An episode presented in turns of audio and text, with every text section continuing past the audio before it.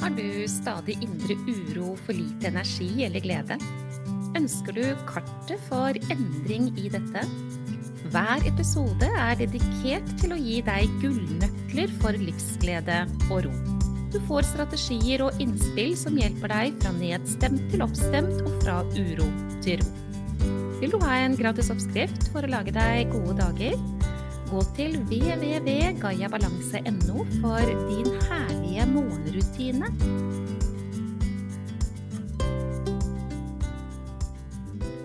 Denne episoden skal handle om eh, det her med å virre rundt og starte på den ene oppgaven etter den andre og aldri bli ferdig.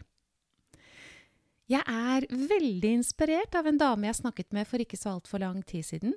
Hun sa det at du, Monica, nå er det sånn at min samboer han blir veldig irritert på meg fordi jeg starter oppgaver, og jeg blir ikke ferdig. Han blir irritert, og han korrigerer meg, og da blir jeg irritert, og så blir denne stemningen mellom oss to ganske trøblete, bare fordi jeg vanner blomster og ikke går på kjøkkenet med den vannkanna etterpå, for eksempel. Du, bli med meg inn i denne episoden. Jeg er ganske sikker på at selv om du kanskje ikke kjenner deg sånn spesifikt igjen i forhold til hva det er jeg tar opp, så vil det jeg sier i forhold til dette, mest sannsynlig gi deg noen ting. For eh, jeg vet ikke om du har tenkt på det. Det er faktisk sånn at dette med å være i stor aktivitet, dette med å, å gjøre og gjøre og gjøre og ikke ferdigstille osv., ja, det kan jo være litt sånn personlighetsavhengig, men det kan også være relatert til stress. Og da må vi snakke mer om akkurat dette. Og jeg skal også i denne episoden her gi deg eh, fire tips til hvordan du faktisk kan bli ferdig, hvis du kjenner deg sånn helt konkret igjen i akkurat dette med å ikke ferdigstille oppgaver. Det kan jo være både smått og, smått og stort, egentlig, ikke sant?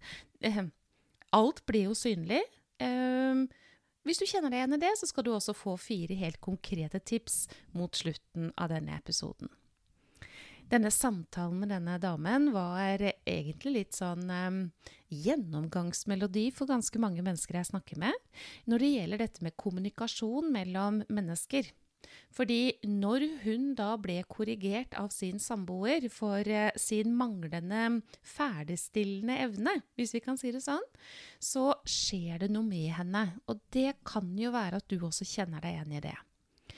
Når vi blir korrigert, når vi blir irettesatt, når vi blir eh, fortalt at du, det skulle vært på en annen måte, så treffes det jo noe i oss selv som eh, kanskje ganske ofte kan være sårbart.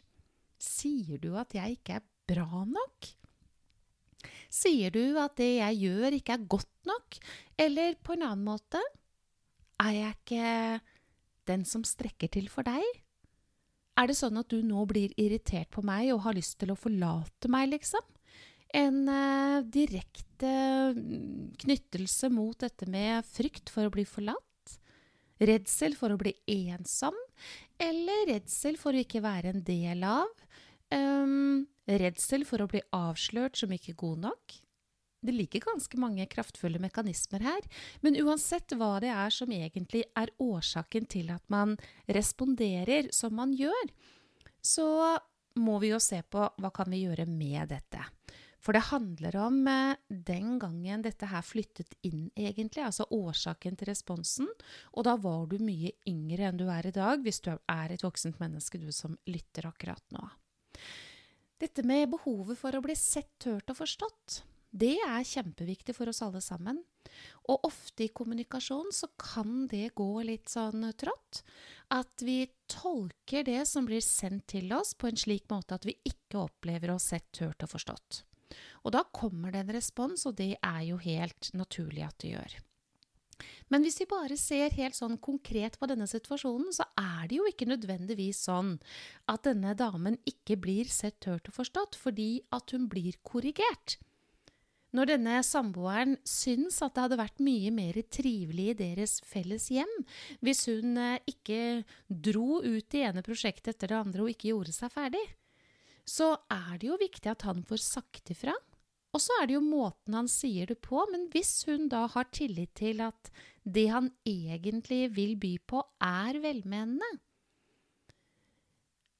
At hun har tillit til at uh, han vil meg faktisk vel, istedenfor å gå i forsvar, sant, som er den naturlige responsen på den første følelsen når man blir korrigert. Hva tror du hadde skjedd hvis hun hadde sagt til samboeren sin noe sånt som at du, kjære samboer, nå når du sier dette her, så, så, kjenner jeg sånn og sånn i meg, men jeg tror jo at du vil meg vel. Jeg tror jo at det du sier nå, er egentlig til vårt felles beste. Så jeg velger å ha tillit til at det du kommer med, det er ikke et angrep, det er rett og slett noe helt annet. Det er en gave, og jeg er faktisk glad for at du sier ifra. Hva om hun hadde hatt en sånn tilnærming istedenfor å bli lei seg, frustrert, irritert, syns det er helt forferdelig at hun blir korrigert. Ja, men da ville jo situasjonen ha blitt helt annerledes, ikke sant? Det ville jo faktisk ha blitt det. Dette her handler om kommunikasjon, det handler om behov for å bli sett, hørt og forstått, det handler om frykter for å bli avvist, det handler om frykt for å bli avslørt som ikke god nok, og vi har en jobb å gjøre. Men hvis vi har tillit til at den andre vil oss vel, så går det jo an å by på det, og så går det an å si du, vet du, jeg opplever nå at jeg blir korrigert. Og det som skjer med meg når jeg blir korrigert, det er at jeg blir redd. Jeg blir redd for at du skal forlate meg, for eksempel. Altså i forhold til hva det er som faktisk skjer i den enkelte. Men det er helt naturlig å ha disse fryktene, disse redslene, de er i mennesket. Vi behøver å tilhøre, og vi har en del mekanismer der. Men det er jo noe med hvordan møter du? Hvordan håndterer du det? Hva gjør du med disse følelsene? Når jeg snakket med denne damen, så ble det veldig tydelig for henne at hun var nødt til å gjøre noe med sin kommunikasjon med sin samboer og hun var nødt til å gjøre noe med sin reaksjon og sin manglende tillit til at han ville henne vel. Hun hadde ikke forstått at det hadde en betydning i denne saken.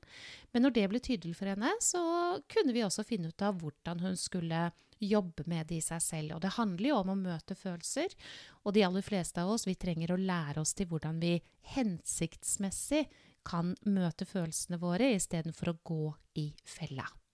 Men det hun også ønsket seg, det var jo konkret. Hva kan jeg gjøre da for å bli ferdig? For jeg skjønner jo at det er til det beste også for meg, Monica, å bli ferdig. Det ville jo være deilig, sa hun når jeg stilte spørsmålet hvordan vil det være for deg å faktisk ta en oppgave av gangen og bli ferdig med det du starter på. Og da var svaret fra henne ja, det ville være fantastisk, og det ville gi meg mye større ro, sa hun. Ja, da beveger vi oss jo fra stress til uro, da. Fra uro til ro, ikke sant. Og det er ikke så veldig vanskelig å få det til heller. Man trenger å øke oppmerksomheten, være mer bevisst og ta konkrete valg for å faktisk komme til mål.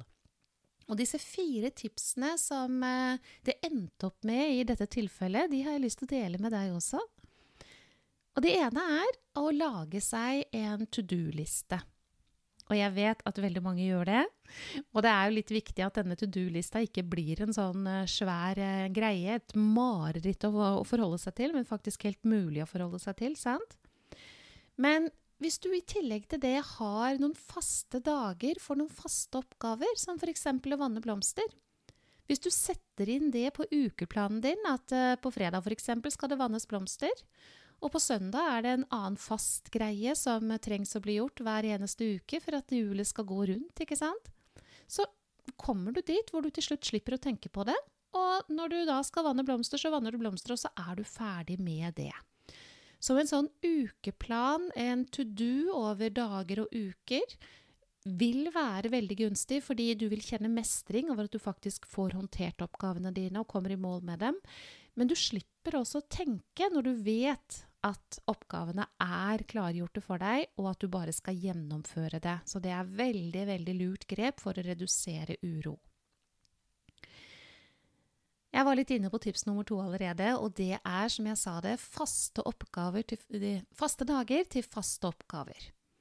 Hvis du lager deg en rutine på når disse faste oppgavene gjøres, F.eks. å skifte på senga. Jeg vet ikke om du gjør det en gang i uka eller hver 14. dag, eller hva du gjør, eller om det er sånn at å, nei, nå må jeg skifte på den senga igjen, nå har jeg utsatt det uke etter uke, og så begynner det å bli litt utrivelig, ikke sant?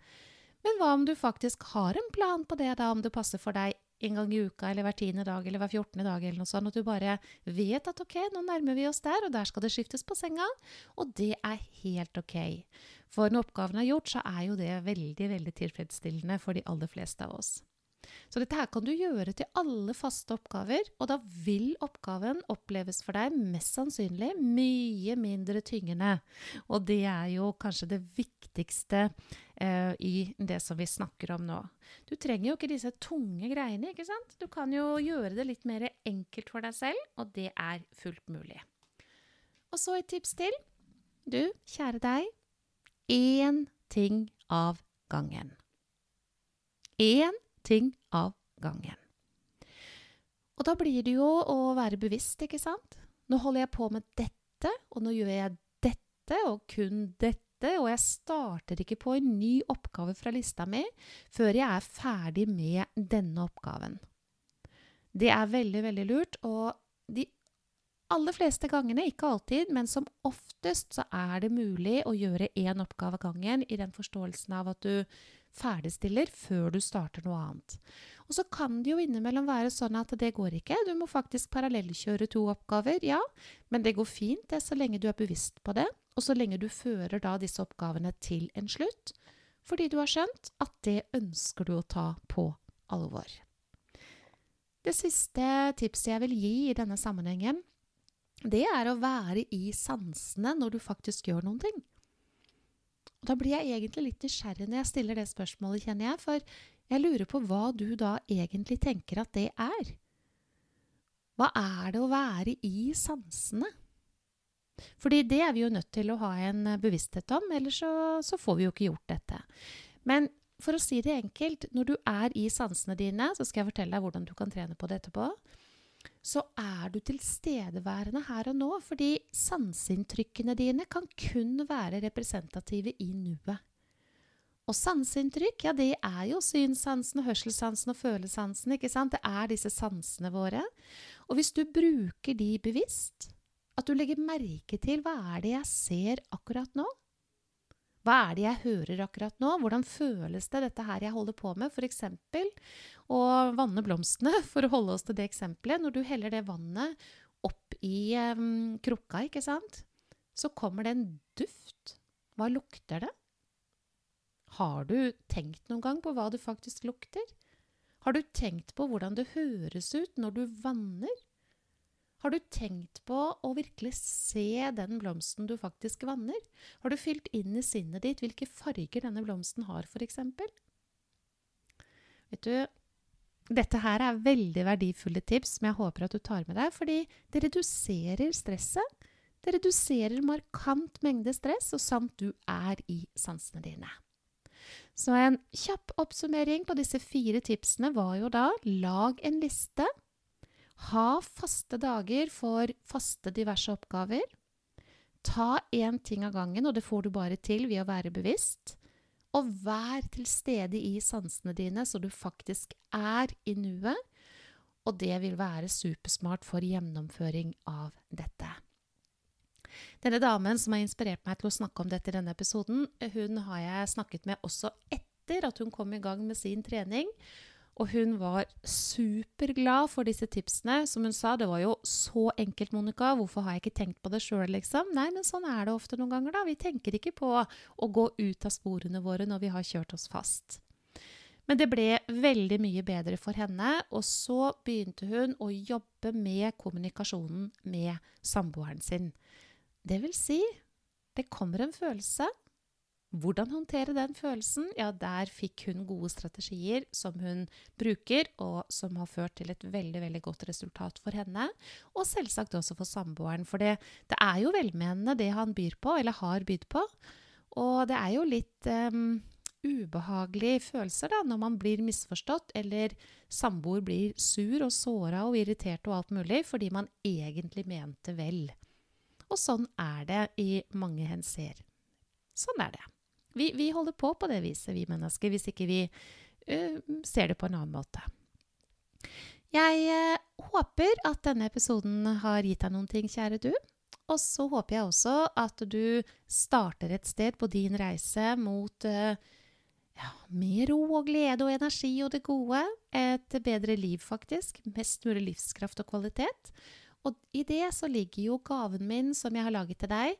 Din herlige morgenrutine som du får på www.gayabalanse.no. Og det er et uh, nydelig sted å starte. Jeg håper at du gjør bruk av den, og at du følger det som står der, for det vil helt sikkert gi deg noen ting.